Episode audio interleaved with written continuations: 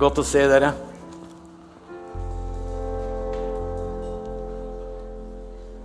Det du merker som er til stede nå, er ikke det en fin opplevelse? Er ikke det noe som eh, tiltaler deg? Noe du kunne tenkt mye mer og hatt rundt deg og vært en del av? En del av din hverdag, en del av din, eh, din eh, praktiske gjøremål? Jo, jeg er helt sikker på det. Og det er dette personen, Den hellige ånd, som jeg ønsker å fokusere på her i formiddag. Det er jo en 60 mennesker på leirstedet i formiddag også. Så vi skulle hatt dem her, alle våre ungdommer, men eh, de har uh, trøkk der de er. jeg er helt sikker på. Men eh, så nydelig å se dere alle sammen. Jeg opplever at Gud har talt til meg i den siste tid om veien videre for min tjeneste. Og jeg opplever at Gud sier til meg at jeg i større grad skal gå tilbake til det som er hovedtjenesten i min, sal, i min altså hovedsalvelsen i min tjeneste. Det å få forløse Guds nærvær til mennesker. Og jeg, jeg, opplever at dette er det som har fulgt meg gjennom de 30 år som jeg har vært pastor, og det som kanskje er hovedtrykket i min tjeneste. Og eh, det har vært en hjertesak for meg. Jeg eh, husker når jeg kom hit til kirken. Eh, det er noen som var til stede, tror jeg, i det møtet. Eh, er det noen som husker det? En som heter Veistein. Se, her er noen hender her. ja. Den, her har jeg tre-fire-fem hender her. Denne, denne, mannen som har litt under alkoholisme i 25 år. Jeg var på besøk i Bærum og sikkert skulle prøve preke. Og så var det en mann som kom inn. Han het Veistein. Hva het han til fornavn igjen? Trygve Veistein, ja. Og Jeg husker at jeg bare kom ned mellom salen. Det var jo et lite lokale oppe på Haslum. Og jeg husker jeg gikk inn i mellom raden der. Jeg visste ikke hvem han var, men jeg, husker jeg la hendene på han. Og Jeg visste ikke at det var noe behov, jeg visste ikke noe, jeg bare la hendene på han, og Guds kraft berørte han. Og han fortalte fra den stund så var jeg fri fra min alkoholisme. Han fortalte at 'jeg gikk hjem den dagen', sa han. Og så eh, hadde jeg fire eller var fem pils i kjøleskapet, sa han. Og når jeg våknet på morgenen etterpå, og tiden gikk utover formiddagen, og klokken ble 12.1 på dagen, og jeg ennå ikke hadde tenkt på de fem pilsene som sto i kjøleskapet, da forsto jeg at jeg var blitt frisk. Og jeg husker Han var i kirken vår i mange mange år, og så flyttet han eh, av sted til et annet sted. Men poenget mitt er det er Den hellige ånds kraft som forandrer mennesker. Vi kan teologisk prøve å snakke med dem, vi kan teologisk overbevise dem. Og alt dette er fint. Det, det, ha det bakhodet når jeg taler nå, at jeg tror på undervisning, jeg tror på å, å, å lære kunnskap om Jesus, om alt dette. Men jeg tror i tillegg på Den hellige ånds kraft, som er den som forandrer. Så jeg var jo sammen med 250 studenter i, eh, i, for en par uker siden i Bergen. Og det er noe av dette som jeg føler Herren tuner meg på. Å være med og hjelpe og at mennesker får oppleve Guds kraft. Oppleve det vi kaller for dåpen i Den hellige ånd. Opplever at eh, de får en erfaring med Han som er kraftkilden, Den hellige ånd. Og eh, jeg hadde ønsket at dere hadde vært og sett hvordan, si, hvordan salen så ut. når 250 mennesker av unge mennesker som var, de var 100% positive. Vi må ha tak i det her. Og de kom fram til forbund, og Guds kraft rørte ved dem alle sammen bortover. De lå overalt under Guds kraft. Og dette er noe jeg lengter efter vi skal se videre. Den hellige ånd er også sånn at han taler gjennom kunnskap. Og jeg vet ikke Er du til stede her som var i kirken for noen dager siden? Det var et par som var i kirken her for noen dager siden. og Jeg satt framme der, og så var det et par som satt rett bak meg. Og så snudde jeg meg og hilste på deg sammen med din kone. Jeg har ikke klart å finne ut hvem du var, men du går ikke fast her. Men av og til er du innom her, og da hilste jeg på deg. Og da fortalte du meg at jeg ble frelst i, i PK-senteret for to år siden ved at du talte noen Plutselig av, du sluttet du, eller du la talen din til sides, og så begynte du å tale til folket. Og mens du gjør det, så taler du inn i mitt liv. Og så forteller du min tilstand og min situasjon. Og jeg forsto det var meg. Og Der og da så tok jeg imot Jesus og ble frelst. Jeg var med jenta mi der. Jeg vet ikke om du er til stede her. Så jeg hadde lyst til at du hadde kommet fram. Nei. Men jeg ønsker bare å dette er en del av dette som har med å Jeg kaller dette å, å bevege meg i Guds kraft, eller flyte i Guds kraft. Og jeg tror på dette. Jeg tror på åndelige gaver. Jeg tror på Den hellige ånd. Og det er noe av dette som jeg ber om at menigheter efter menighet må få tak i. Du skjønner at en vi skal se litt på La meg få fram det første bildet.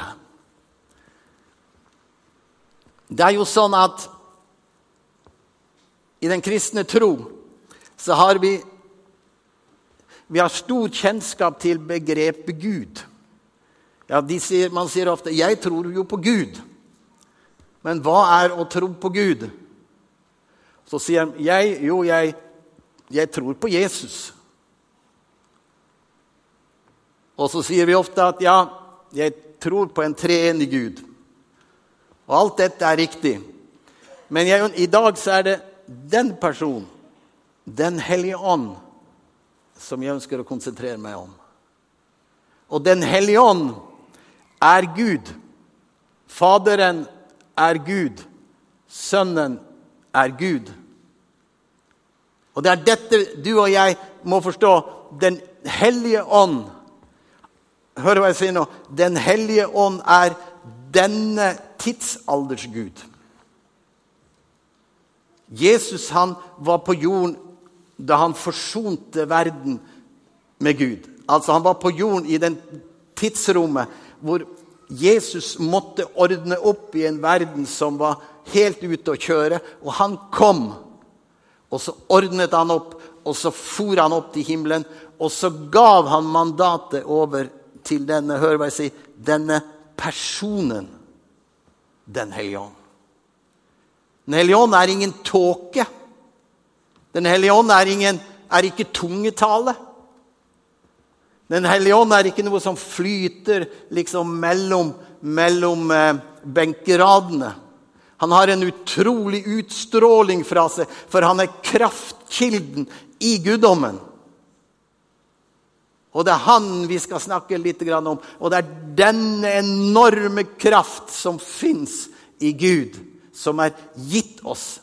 Tenk på det står om den, den ånd, står det, som reiste Jesus fra de døde. Den ånd som reiste Jesus opp ifra de døde, den bor i oss. Tenk på det. Tenk på for en kolossal eh, Eh, et kolossalt atomkraftverk du har liggende i deg. Av energi og kraft. Og det er denne dimensjonen, det er denne tingen som jeg opplever mer og mer at vi, vi går bort fra hovedfokuset i den tid vi lever i. Vi beveger oss mer fra I hvert fall i denne, i, i, denne vestlige verden så be, beveger vi oss mer fra å være, ha vært en vekkelseskirke til å bli over til å bli mer en sekulær kirke. Og det er det som jeg har en drøm. Det må ikke skje her. Er du enig? Vi må være en kirke som kan være som et lys, som en by som er oppå et fjell. Som skal være sett av alle mennesker, kjent av alle mennesker. De, de skal ønske å kunne være oppå den byen som er på fjellet, som det står om. Og hør her. Jeg har skrevet noen stikkord her. Det jeg har skrevet her Vi kan eh, bare ta den. Ja, den kan bare stå bak en stund. Det står her at Fader, nei, eh, Pinsen det er menighetens fødselsdag. Den hellige ånd og menigheten hører uløselig sammen. Uten Den hellige ånd er det ingen menighet. Da er vi bare en klubb, en organisasjon, en struktur.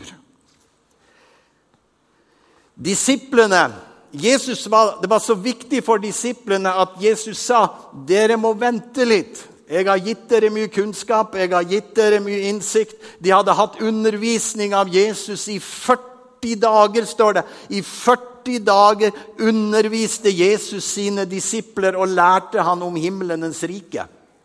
Enda sa Jesus til dem, 'Vent før dere går ut med dette.' Vent med den kunnskapen dere har. Dere skal først ikles med kraft ifra det høye, og så skal dere gå ut. Og så sier han, 'Jeg går bort.' Ti dager deretter kom Den hellige ånd over de som var på den øvre sal. Og Det er det samme som det skulle ha skjedd i forsamlingen her. Det står at tunger, liksom av ild, satte seg på alle de 120 som var til stede. Og Guds kraft begynte å virke sammen med dem. De som satt på den øvre sal, de var redd. De var, eh, de var tilbaketrukken. De hadde all kunnskap.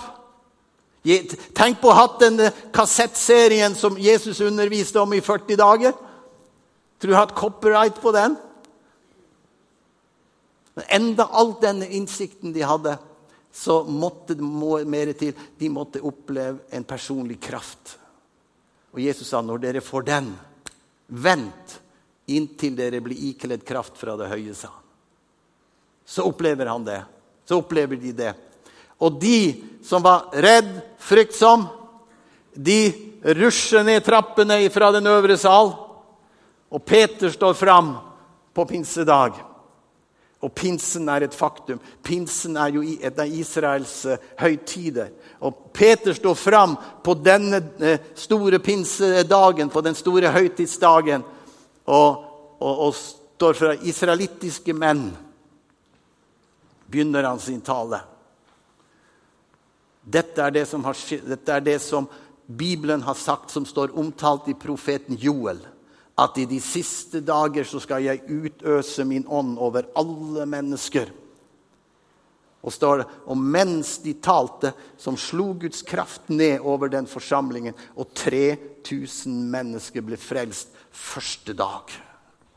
Hvorfor? De hadde ventet på Den hellige ånd.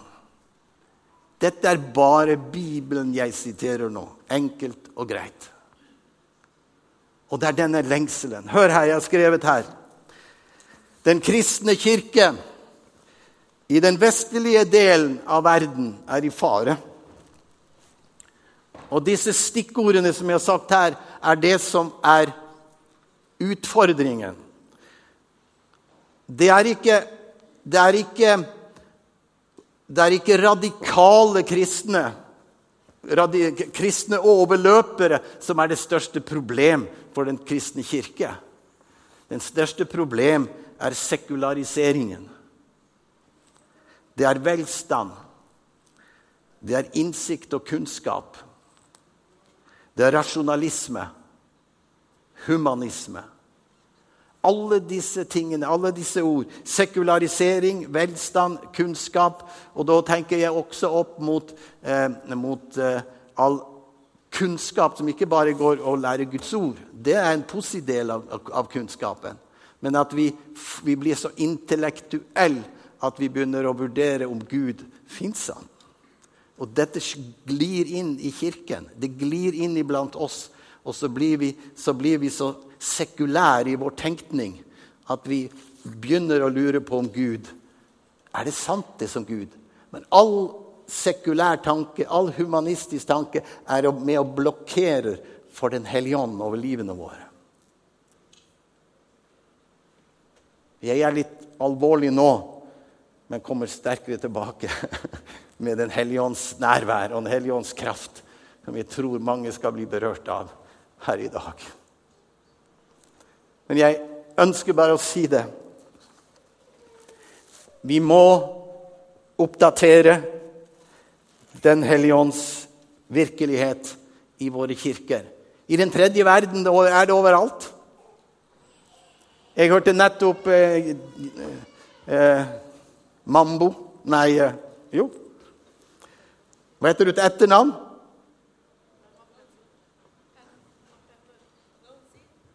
Ja, samme det. Det er afrikanske navn. Eh, jeg får kalle henne for fru eh, Tom nei, eh, Mapendo var det, ja. Ganske nært fornavn, ja. Ok, Mapendo. Jeg snakka med henne.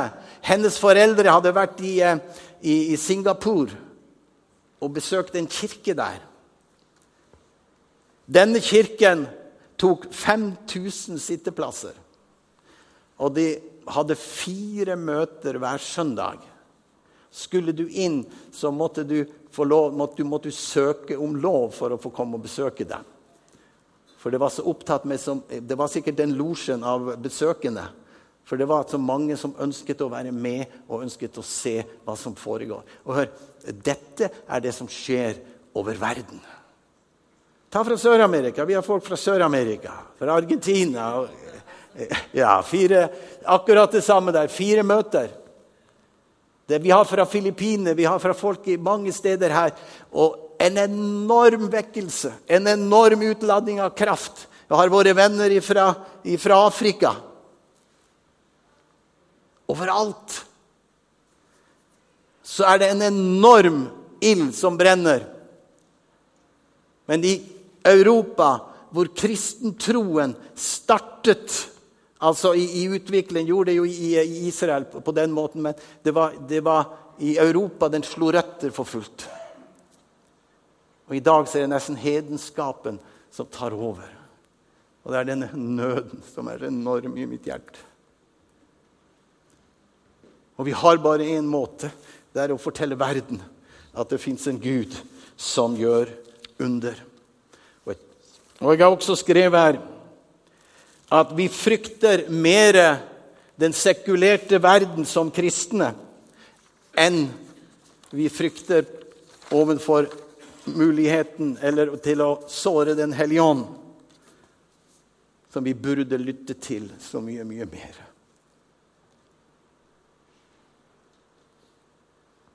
Den hellige ånd er her. Og Jeg ønsker å ta dere med, og så skal vi se litt på noen skriftsteder. Og så ønsker jeg at en lengsel må komme i ditt hjerte. Og Jeg vil invitere fram her. Og jeg tror på Guds kraft. Og jeg tror på mennesket skal bli berørt. Jeg tror på mennesket skal oppleve sin dåp i Den hellige ånd. Jeg tror ikke at vi trenger å hæle i taket for, for å, å formidle Guds kraft. Men jeg tror på Den hellige ånd. Jeg tror at Gud gjør under. Den hellige ånd, vår medhjelper, har jeg satt som tal, overskrift for talen. Og eh, Jesus han dro bort, og så sa han noe før han eh, dro bort. Det var at han skulle sende talsmann. Vi skal ta første bilde. Der står det i Johannes 14, 15 og 16. Dersom dere elsker meg, holder dere mine bud. Det er liksom en sånn konklusjon han sier. Dersom dere elsker meg, så holder dere mine bud. Så sier han, 'Jeg vil be min far, og han skal gi dere en annen talsmann, en annen medhjelper.' Eller du kan også skrevet en annen advokat. Det kan gå inn for det samme ordet. Som skal være hos dere La oss si de to siste ordene til stede. Som skal være hos dere for alltid. Dette er Jesu egne ord. Jeg vil be min far, og han skal gi dere en medhjelper, en advokat, en talsmann, som alltid skal være hos deg. Han skal alltid være hos deg. Og denne, dette nærværet av en talsmann som alltid skal være hos oss, har det relevans for vår tid? Ja, det har det. Han er den vi trenger. Og vi skal se på neste. Jesus han profeterer om den kommende kirke når det neste bibelverset kommer her.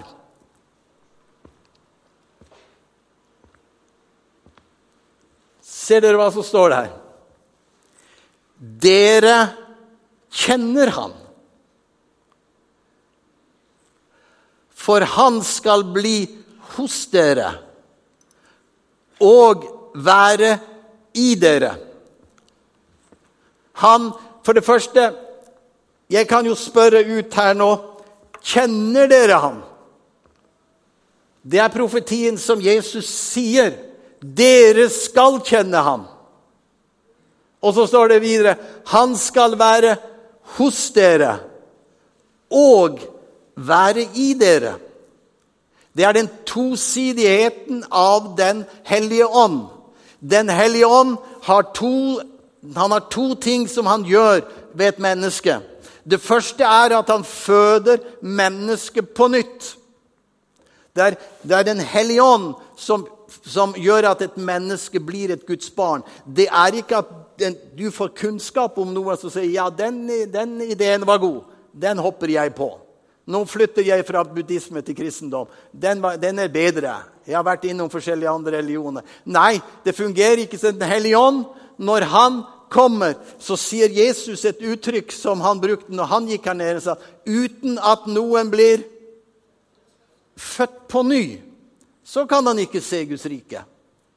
Med andre ord, Jesus, han, Den hellige ånd, når han kommer, så føder han mennesket på nytt den ånd som jeg snakket om tidligere i noen, noen, eh, en par møter jeg hadde om, eh, om, eh, om men, ånd, sjel og legeme. Han føder oss på nytt. Det står det der. Han, dere kjenner han, for han skal være hos dere og være i dere. Dette å være i dere, da er det at han tar bolig i mitt hjerte. Men så står det ved siden over der, og han skal være hos dere.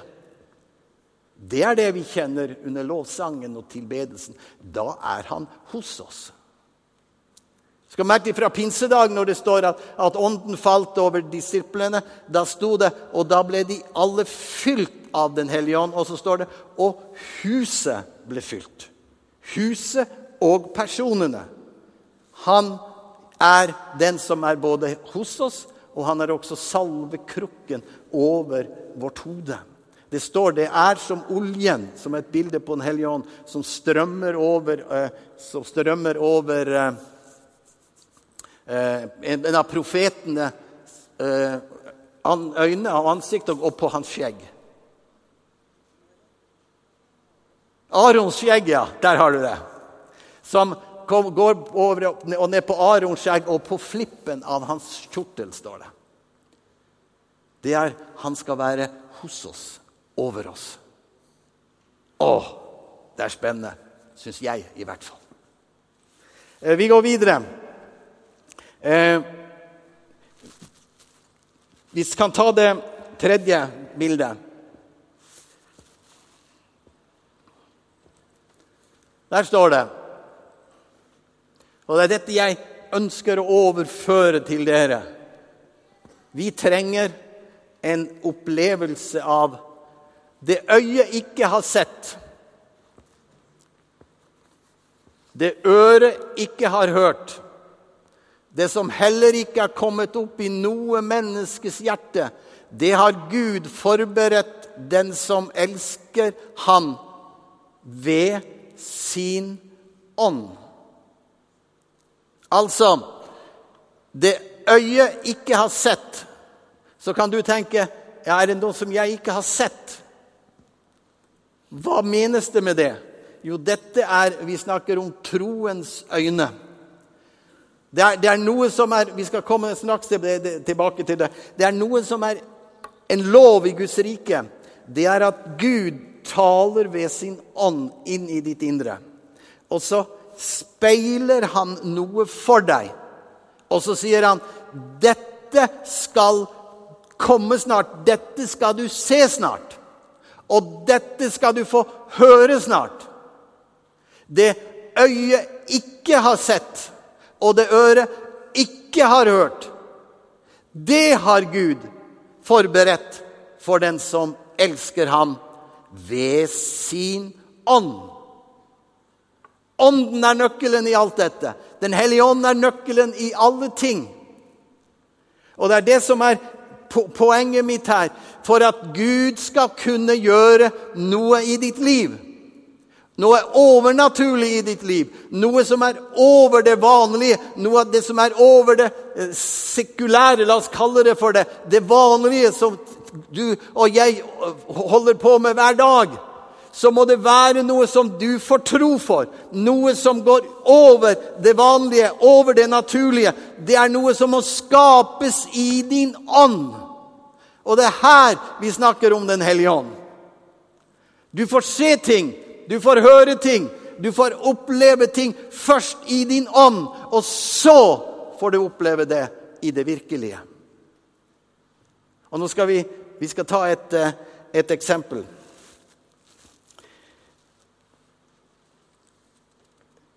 Hadde, vi hadde besøk i vår kirke for mange år siden. Jeg visste ikke om dette tilfellet. Jeg, bare, jeg leste det plutselig i Korsets seier. Korsets seier det er, det, det er eh, hovedbladet til pinsevekkelsen. Og Der sto det, det, om en pastor i, i en menighet i Norge. Og han sier Jeg gikk inn Jeg tok en tur til pinsekirken i Bærum for å gå på et møte der. Og denne pastor, han, eller den mannen, han gikk da på en bibelskole. Og så gikk han inne i gamle pinsekirken. Og så sier han Og når Tom Aune begynte å tale, så begynte han eh, plutselig å komme med noen kunnskapsord. Og så sa han Da beskrev han min situasjon. Jeg hadde en lengsel etter å tjene Gud, men jeg visste ikke helt hvordan det skulle være. Der beskriver pastor Aune for meg min tjeneste, hvordan tjenesten min skulle bli. Og da fikk jeg det, det, det stempelet fra Den hellige ånd i livet mitt sa, som sa 'Du er kalt til å tjene'. Og jeg gikk ut da. Jeg snakket ikke med Tom, jeg snakket ikke med noen. Jeg bare visste det. Gud hadde bekreftet min tjeneste. I dag er han en pastor i en av, av kirkene i Norge. Talte på ledd for ikke så lenge siden. Men hva forteller det meg? Det forteller meg at tro ikke at jeg er noe spesielt. Jeg er bare en mann som elsker å lytte til Den hellige ånd. Jeg er bare en mann som ønsker å tjene Gud.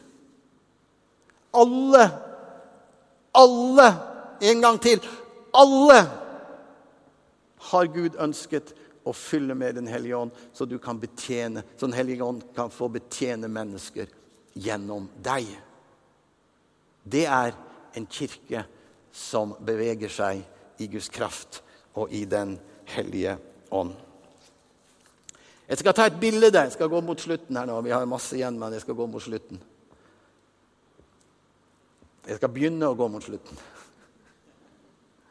Ehm, jeg skal ta et bilde til dere. Og Først skal jeg henvise meg til dere kvinner. Dere er jo så vakre, alle sammen. Men dere har én ting som er genuint.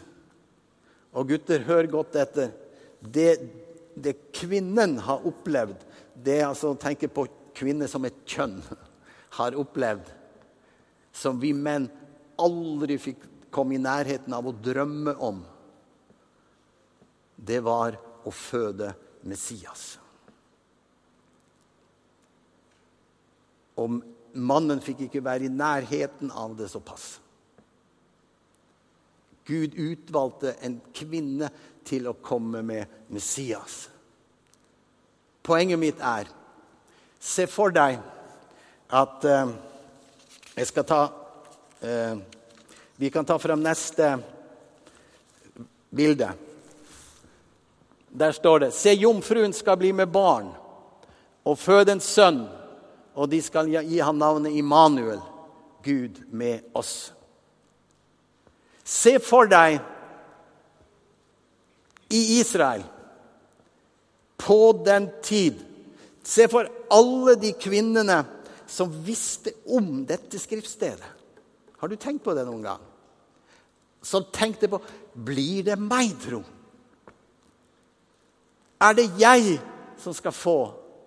Alle vi menn, vi, de visste at de hadde ingen sjanse.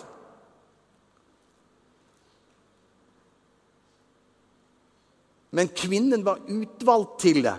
Men hør Tror dere at Gud tok hvem som helst? Tror det var bare en sånn droppe ned et sted, så tar vi henne. Loddet falt på. Jeg er sikker på at mens Maria, Jesu mor, fikk besøk av engelen, så var det mange kvinner på den tid som ikke hadde den tanken i sitt hode i det hele tatt. Se for deg Maria Magdalena på den tid.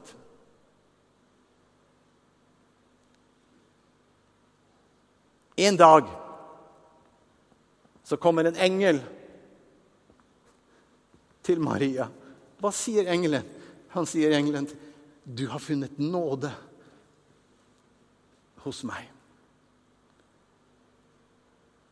Jeg ser din lengsel, jeg ser din skjønnhet, jeg ser din renhet. Jeg ser det. Jeg ønsker å få oppfylle den lengselen som du har. Med andre ord Gud valgte henne ut fra en lengsel, ut fra en renhet, ut fra et ønske om å få lov å være For hva sier hun? Hun sier, 'Jeg er Herrens tjenerinne'. Og så skal vi ta neste skriftsted. Så skal du se. Dette er bildet som jeg ønsker å bruke her mot slutten, for at vi skal forstå hvordan dette fungerer. Der vil du se at en engel viste seg for Josef i en drøm. Josef, Davids sønn. Altså Engelen viste seg for Josef i en drøm, altså Josefs Davids sønn. Så står det 'Vær ikke redd for å ta Maria hjem til deg som kone'. For barnet som er unnfanget i henne, er av Hva står det der? Den hellige ånd. Med andre ord Maria hun gikk med en drøm om å få lov å være Herrens tjenerinne. Og gjennom den drømmen forløses Den hellige ånd i hennes indre. Hun opplever å føde Messias gjennom å ha en lengsel, gjennom å ha en visjon, gjennom å ha noe som, som stadig hun gikk med av, av, av en gnagende lengsel. Og hør, nettopp slik som vi har sett her nå, nettopp slik fungerer det å få en drøm av Herren den hellige ånd gir deg en drøm. Den hellige ånd gir deg en visjon. Det øyet ikke har sett, det øret ikke har hørt, har Gud gitt til dem som elsker ham ved sin ånd. Med andre ord, hvis du ikke drømmer, så kan du heller ikke få lov til å få noe. For det er Den hellige ånd som skaper drømmen, og det er Den hellige ånd som fullbyrder den. Sekularisme er det største problem i vår tid. Gud ønsker at vi skal begynne å drømme noe mer. Vi skal begynne å lengte noe mer. Vi skal begynne å se noe mer av det som vi ikke ser, men vi samtidig ser. Det å være kristenfolket, det å være en, en, et, et, folk av Den hellige ånd. Og Derfor så syns jeg nå, Jeg husker min gamle far. Han, eh, han var ikke så glad i karismatikerne. Og eh, når, når jeg så, så hadde han jo hørt om at jeg ble regna for å være karismatiker, så brukte han å si karimatiker. Så sa han jeg har ikke så tro for de her karimatikerne. Men etter hvert så han far forsto at det var jo nettopp det han hadde lært meg.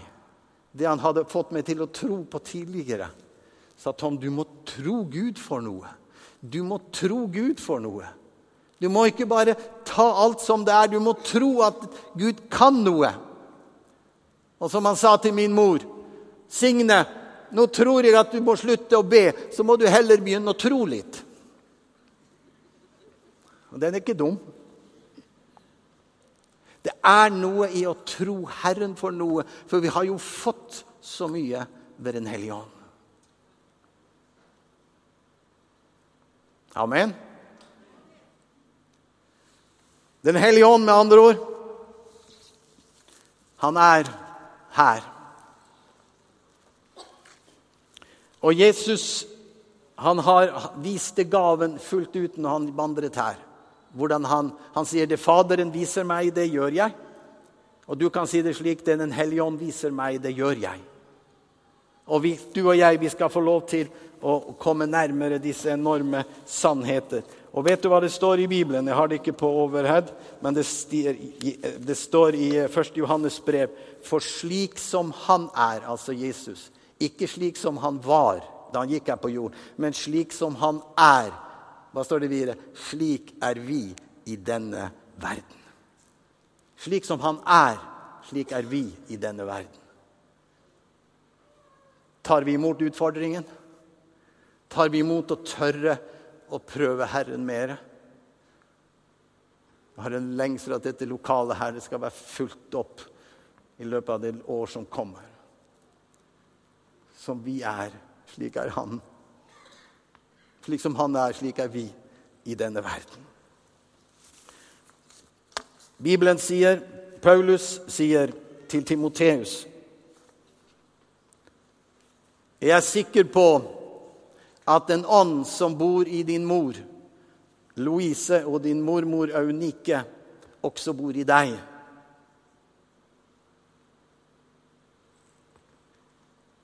Du har, Det er mange av dere her som kommer fra hjem. Jeg skal gå mot avslutning på ordentlig snart nå. Det er mange av dere som har kommet fra hjem, som har hatt sterke, salvede fedre og mødre og bestemødre. Paulus han sier, 'Jeg er sikker på at den ånd som var i din mormor, og som var videre i din mor, også er i deg.' Men så sier Paulus, 'Men du må frigjøre det.' Så sier han, 'Og jeg, jeg er sikker på at den nådegave du fikk med mine håndspåleggelse, du må opptenne den igjen.' Og når jeg var blant disse studentene i, i eh, Bergen så var det en mann som sto foran meg, en ung mann. Og så hører jeg Herrens røst si Du må si til han at den arv som du har fått fra dine foreldre, skal du nå bære videre. Og så stopper jeg bønna, så sier jeg til han Sier deg noe hvis jeg sier at den arv som du har fått, den må du bære videre. Har du noen i din familie som har tjent Gud? Har du noen som er forkynnere? Og så begynte han å gråte. Så sier han, 'Min far er pastor'. Og jeg forsto med en gang jeg traff. Og jeg er sikker på at et slikt tilfelle vil aldri gå fra denne gutten. Han var midt i studiene, kanskje 26-27 år. Men han skulle bære videre noe av arven som var i slekten. Og Guds, Guds velsignelse går fra slekt til slekt, fra slekt til slekt. Hold fast, forny den. Paulus han la sine hender på Timoteus, og Timoteus fikk en ny fornyelse. Slik kan vi se at Elisha og Elisa på samme måte osv. Vi kjenner Bibelen der. Og Jeg ønsker å være med at, at du kan få lov å komme fram her. Og Vi skal ta lovsangene kommer opp nå. Og jeg ønsker også å forløse Guds kraft over deg. Jeg er sikker på at jeg kjenner i min ånd hvordan Herren har rørt ved mennesker her nå.